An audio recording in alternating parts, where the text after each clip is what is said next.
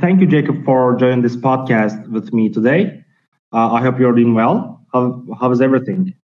It's good. I just finished up some treatment for the morning with patients, and now I'm happy to be here chatting with you. Wonderful. Thank you. So, for those who don't know you, can you introduce yourself just a little bit? Yeah. So, my name is Jacob Harden. I am a doctor of chiropractic out of Orlando, Florida. I own and operate Orlando Sports Rehab, where I see primarily uh, a- athletes and active general population. Um, I treat a lot of sports injuries and people with persistent pain. And I also travel education on rehab with my company, Prehab 101. Yeah, wonderful.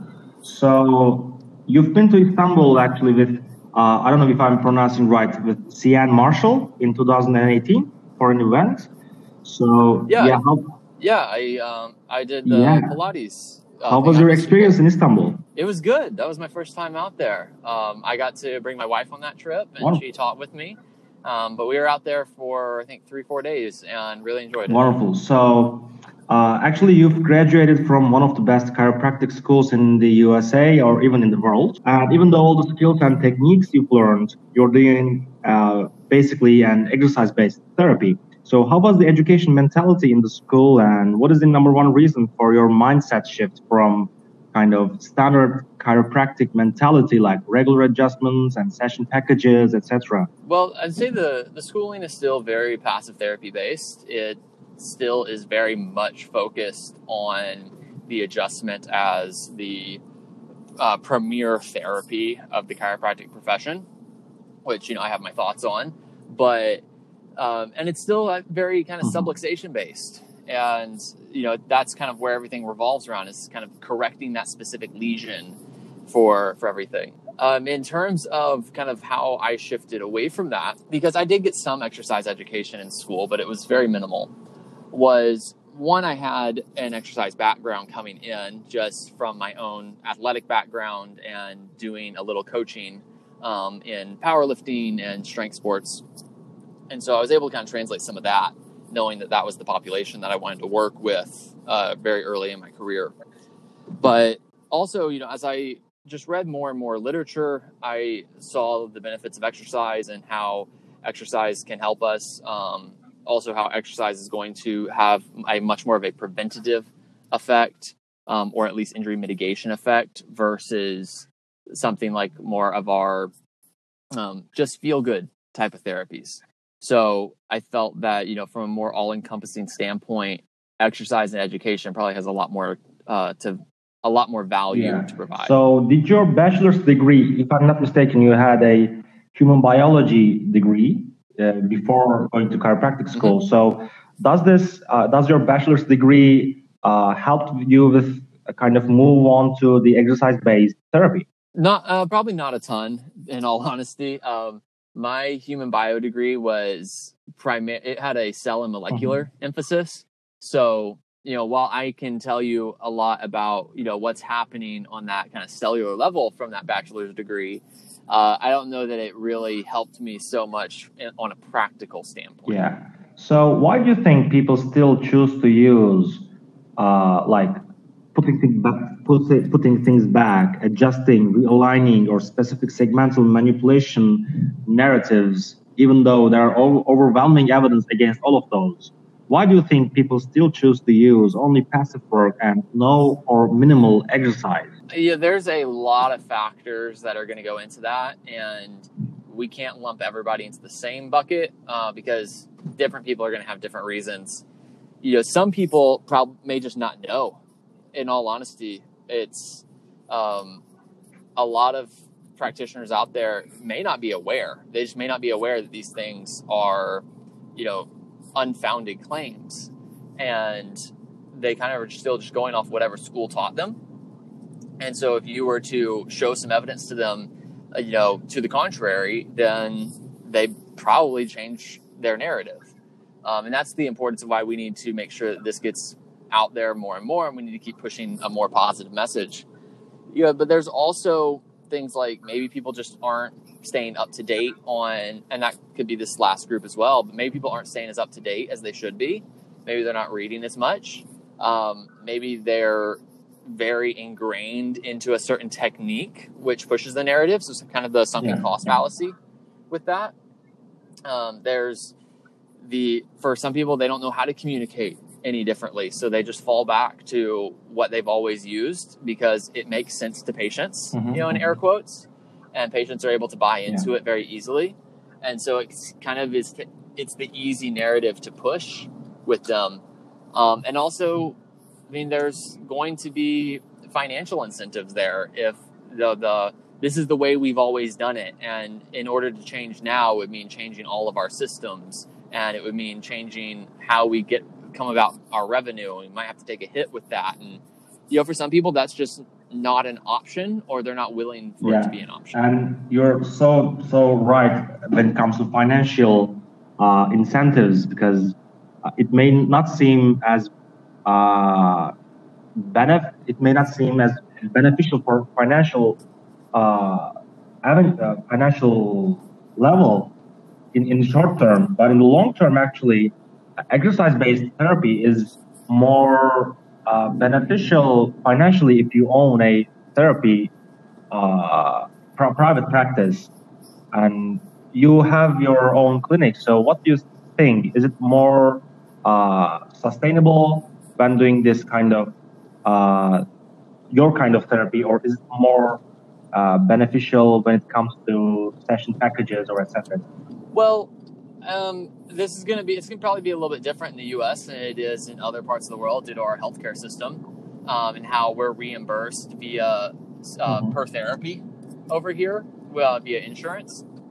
I run an all cash based practice, so it's all self pay with my patients, but I would say that you know what I'm doing is probably less profitable, um, purely if we're talking just numbers wise.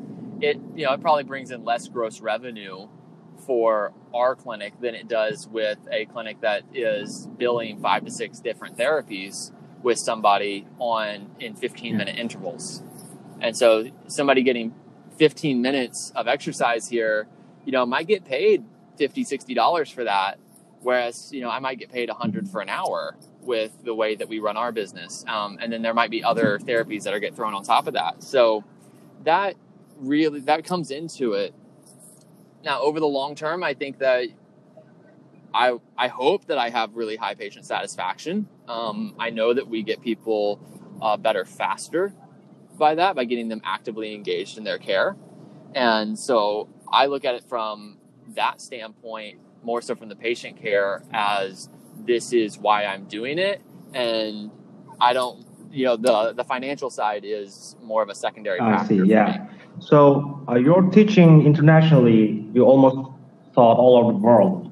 And you've been to lots of countries, you've uh, met lots of cultures. So when you try to teach people an exercise-based therapy approach, what is the general feedback you get? does the feedback differ from country to country and does it depend on the culture it does yeah i mean there's going to be differences in what people are told what they believe kind of where the current knowledge level is just yeah. through exposure in different places um, now i will say that it also depends on if i organize the seminar versus if somebody else organizes the seminar because if i organize it then it's tip- the people that I'm bringing in are typically people that are pretty, they're pretty aware of my message.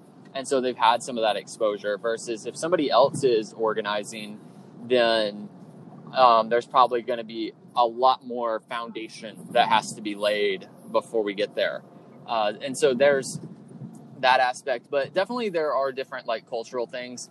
Like, uh, as an example, some things that we don't hear in the States too much around here are I don't have to have too many conversations around yeah. posture or um, leg extensions mm-hmm. being bad or anything like that. We've largely moved um, past some of that, at least with the crowds that I'm seeing, versus in other countries that I've been to, we have to have some of those conversations like upper cross, mm-hmm. lower cross syndrome, tight, weak muscles. Um, you know, should you run on a treadmill versus running on the ground? And is it just bad for the knees? Mm-hmm. Very kind of yeah. black and white thinking in some of these things. So it's definitely different in different places. But again, a lot of factors going into probably why mm-hmm. that is. So uh, for you, what's the number one thing that is difficult for you to get across? Probably the it's probably because it's the most abstract thing, but the relevance of all the different factors that play into pain is is always going to be the hardest thing, and it's the hardest thing to convey to patients as well. Communication, yeah, you know, ironically, is the hardest thing to communicate. Yeah.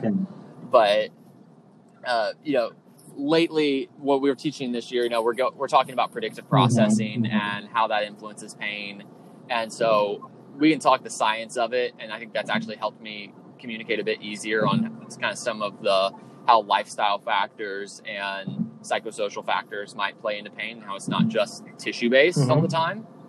Um, but I would say that's always the most complex part of it is, well, why does exercise work? Yeah. Why does it actually help? Um, if it's not something structural or physical that's leading to this reduction in pain, then what is it? And then how do I turn around and communicate that to my patient who doesn't have my medical background? Yes, yes, you're, you're, you're right. Yeah, the abstract thing is is difficult for to, it's difficult to get across. And in your clinic, actually, you're working, as you said, as you told before, you're working mostly with physically active people. And I'm, I've been following you like it's been three or more years on Instagram. And as I know that you'll try to modify uh, your patients' sportive activities instead of making them quit. So, and yes. we all know that we, we everything we do is just deliver a load to the tissues and to the nervous system. So, what is your approach to modify their activity levels, session progressions, and exercise? How do you monitor load? Well, um, so a few things there. First, grade the injury and make sure that it is something that would benefit from modification mm-hmm. and not a complete rest. Um, there are certainly times where you have to take an activity away. Uh, it's just it's the rarity and not necessarily the rule. So once we have determined that that might be the case, then you know we know that staying active is on the table. Typically, what we want to do is we can again modify load like we talked about, and I monitor load in multiple ways. Um, they, we have the concept of internal and external yeah. load. External load is a measure of what is it that you physically did. So, if we're talking being, going to the gym, it, that could be your sets and reps and weight if uh, but then you also have internal load which is the measure of your response to that load. And so that would be something like saying it was hard or it was easy. Uh, if you want to put a little bit more of a number to that you could call a rating of perceived mm-hmm. exertion and use the you know, 0 to 10 scale. Your VAS yeah. scale um, how how painful was it? That's a, an internal load. And so i monitor i spend a lot more time monitoring internal loads to then adjust my external loads to then create a more favorable internal load. And it's just this cyclical pattern. And so let's take an easy example of um, we have somebody with an Achilles tendinopathy and we provide them with a calf, a single leg calf raise for three sets of eight with 30 yeah. pounds. And we all all that is in a vacuum is an exercise providing some load. You don't know if it's the appropriate load. You don't know if it's going to flare them up, if it's going to underload them, if it's creating any adaptation whatsoever, because you have no context around that.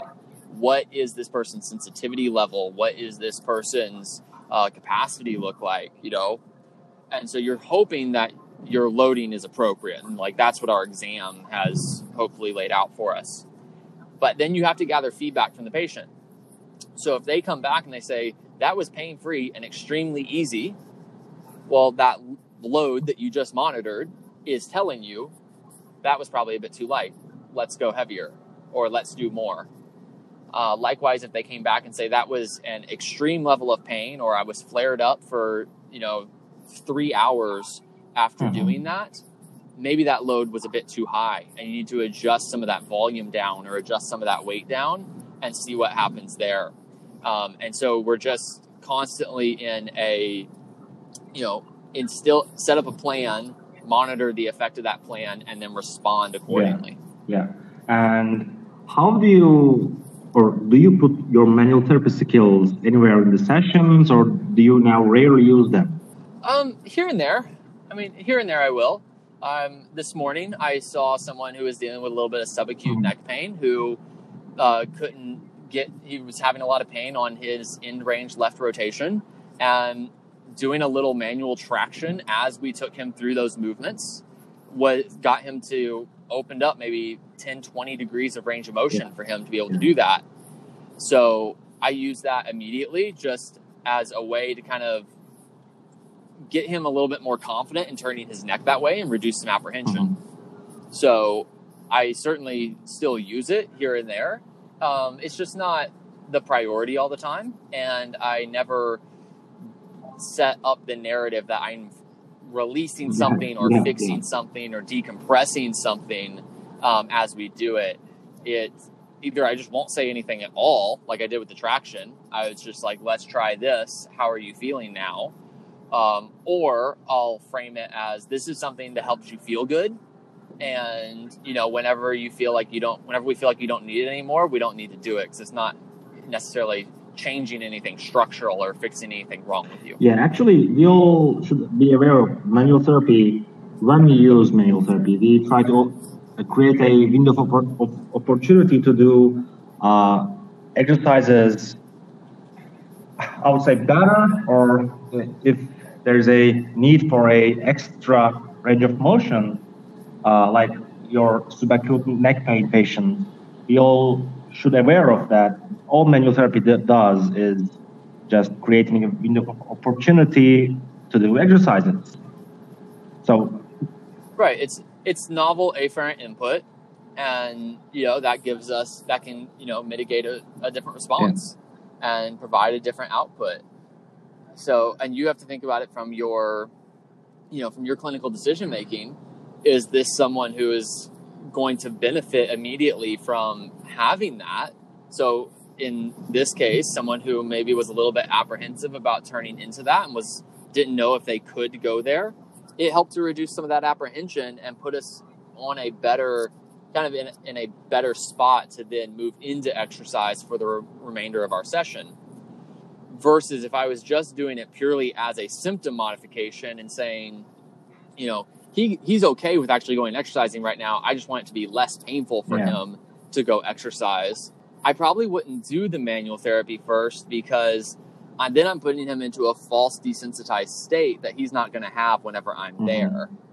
So for me, it's a lot more about um, expectancy violation whenever I use manual therapy and showing someone like, look at how uh, malleable and modifiable that your pain is so if we're able to get changes that quickly, it probably isn't something that we probably don't have to worry about just fixing your MRI.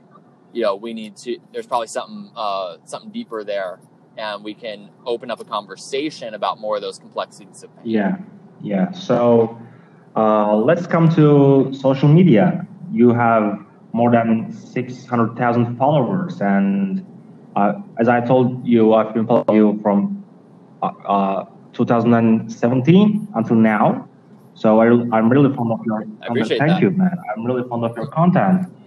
Um, uh, I'm curious about in your clinical practice, does your narrative or approach or things you use differ from your Instagram account, or do you have to inevitably change things, thinking that you have like over a half million followers? It's like more than uh, lots of cities in, in the world. Well, the narratives I, I put out online are the same ones I'm using in, in the clinic, hundred percent. Like I don't what I, what I show is what I use and what I do.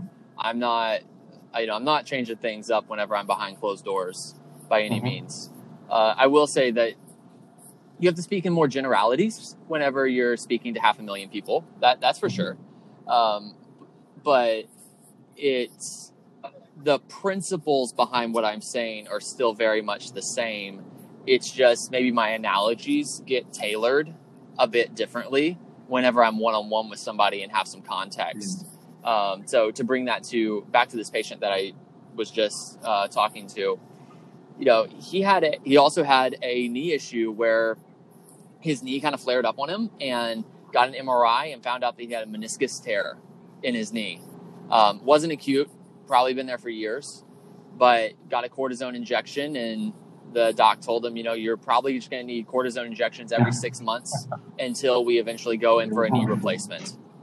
Um, and so, in relaying a lot of, so I wanted to kind of get there. And so, we talked about load management and how that, you know, meniscus tear was probably there long before he, uh, long before the knee hurt. And how we probably don't want to go down the route of multiple cortisone injections over and over and over again. And that brought us into this stress and capacity that uh, conversation that I talk about all the time online, but I was able to tailor it to him in that he coaches little league baseball and he plays with his kids. So I was able to put it into an analogy that was very relatable to him that helped him really pull into it and understand it very quickly versus, you know, I might have to be a little bit more general if I'm speaking about that same principle online. Yeah. yeah so actually, that's a great example for biopsychosocial approach. We have to think and consider social uh, influences, influences of that patient, psychological influences of that patient, and put a narrative tailored to that person. So that's a great example for that. Yeah, that's. I mean, that, that's what you have to do. You know, you're treating a person. You're not treating yeah, a picture. So uh, your content actually changed a little bit uh, throughout the like in these three and four years, and you were involved with some Canadian physio company that I'm not gonna name. So and they claim that they changed and reshaped manual therapy, and I would argue that that change promotes a little bit biomedical ways of rehabilitation instead of promoting like internal locus of control. So after involving them, what made, made you change your mind to go to your own way? That's an interesting situation. Um, so, you know, I opened up my own clinic with my wife straight out of Access? school Access back in 2015. Yeah. yeah, Access Sports Therapy back in 2015. Um, we then worked with, and, you know, I, I took their continuing mm-hmm. education course for manual therapy because that was just an area in my practice that I didn't feel as confident mm-hmm. in. And, you know, back whenever I was a new grad, most of the courses I were taking were because I would see something that I felt like I needed to improve my yeah. skills in, and everything was kind of skill based. So um, I got there, and, you know, I can't say that I ever really bought into a lot of the narrative of what they were promoting at mm-hmm. the time uh, but it definitely did influence me, and it definitely influenced my thought yeah. process um, in terms of what they, what kind of what they were pushing. And so, a lot of it was just really just natural growth as a clinician, and you know, learn, reading more, learning more. You know, I came across that very early in my career where I still really just had my schooling as my exposure to healthcare information you know, back in 2014, 2015, when I came out, it wasn't, we didn't have as many, nearly as many people mm-hmm. sharing information online about evidence based yeah. practice as we do now.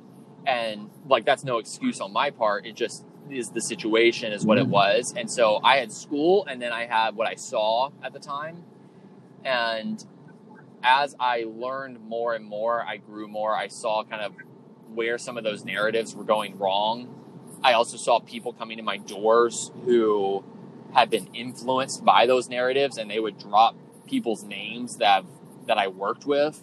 Or like, well, so and so said, and that that would kind of like made this change in my mind of like, you know, that's really not that's really not um, something that is going to work mm-hmm. for me. And so, you know, and we we parted ways amicably um, whenever our time was mm-hmm. done there, but it uh, and you know, I wanted to really shift towards you know saying and doing my thing mm-hmm. at that time. Yeah. So uh, when you read and read research, what are your main influences? Who who did you follow most, or whose research you got into uh, more? It depends on the topic. A lot of times. Um, I would say people that had a strong influence on me very early on in how I, in just kind of that psycho, biopsychosocial side of things, would be um, like the NOI yeah. group, um, Greg Lehman, uh, Ben Cormack, all those guys had wonderful influences on me. And then I would read their blogs and then I read papers that they had mm-hmm. shared, um, pick up books, all that. And so those those guys had huge influences on me. Then I got um, really into the tendinopathy mm-hmm. literature. So Jill Cook, Ebonie Rio, Peter Malliaras, all those guys uh, really had a huge influence on how I looked at utilizing exercise um, through the tendinopathy kind of continuum model and everything. And that was that had a big influence there. And now, more recently, going down the kind of rabbit hole of um, load management injury mitigation with Tim Gabbett's mm-hmm. literature and everyone that's in, kind of in that circle and all the systematic reviews and meta analyses that we're seeing there um, have all made huge, kind of again, kind of shaped and refined my process even yeah. more. So let's come to your course, Prehab 101. Um, what do you cover and what benefits will physiotherapists get after the course? Well, I I'll say that you know it's called Prehab 101. So I you know if you don't like the term pre prehab, it, you know it's I, I say that uh, I, I use that term because injury mitigation through strength conditioning and positive mindset 101 didn't really work mm-hmm. out for me.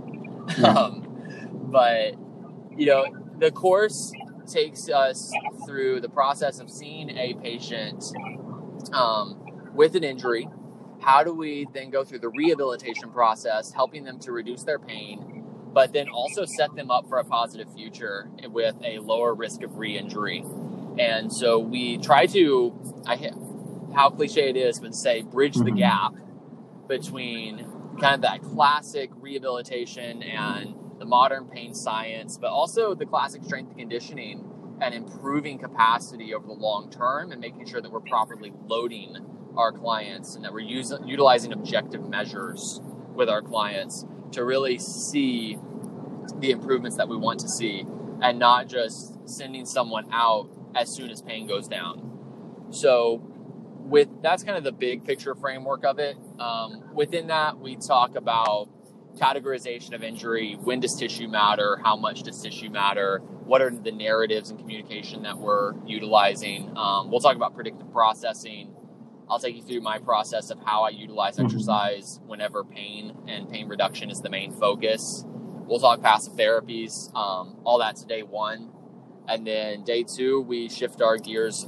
more towards how do we improve capacity and how do we utilize exercise whenever we need specific physical adaptations. Um, and so we'll talk strength training, hypertrophy training, uh, plyometrics, and return to sport uh, across that whole second day, and give a lot of parameters to help people write better exercise mm-hmm. programs. Mm-hmm. And so at the end of the day, I want people to come away feeling more confident in their ability to communicate about why they're utilizing exercise. I want them to be more confident in their ability to educate a client, um, and then be able to write out and program a multi-week or multi-month exercise program um, with a high degree of yeah. skill.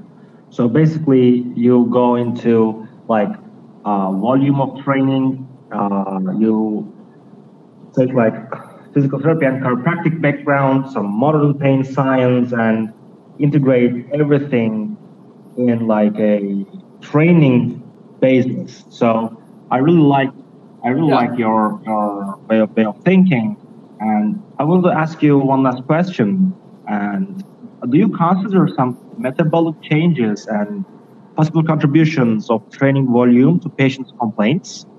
And do you do you like measure, or do you wish you should you you would measure metabolic changes, or does that matter too much? So I'm measuring volume all the time, uh, really making sure that we're seeing what people are doing and that we're not getting too large of a load mm-hmm. spike in those cases. Um, depending on the population, we might measure some like heart rate and stuff like that. Um, but typically, that's as deep as we go in um, there. But yeah, well, I'm measuring sets, reps, weight, uh, all that over the course of an exercise wherever I feel confident based on the patient's presentation and then building off of that. Um, well, first, thank you for having me on. And yeah, any, um, anyone who ever wants to chat about rehab or injury mitigation, feel free to reach out to me. Um, I'm easily found on Instagram. That's my number one platform. My handle there is at dr.jacob.harden. I'm always happy to have those conversations with people. And, you know, kind of word of advice for anyone who's listening is really don't get too caught up in trying to predict the future with how things are going to go. Really, kind of bringing it back to that internal external load thing put a plan in place that you feel confident in, monitor how that goes, how their patient responds to that, and then you respond accordingly to it. Yeah, and uh, please uh, give a kiss to Ollie. Uh, oh, he, I will. He's, he's grown. Uh, yeah. He's so cute. He's, so, and, he's getting bigger every day. Yeah. So, uh, thank you for joining me. Uh, hope to see you soon. take care. Thank you.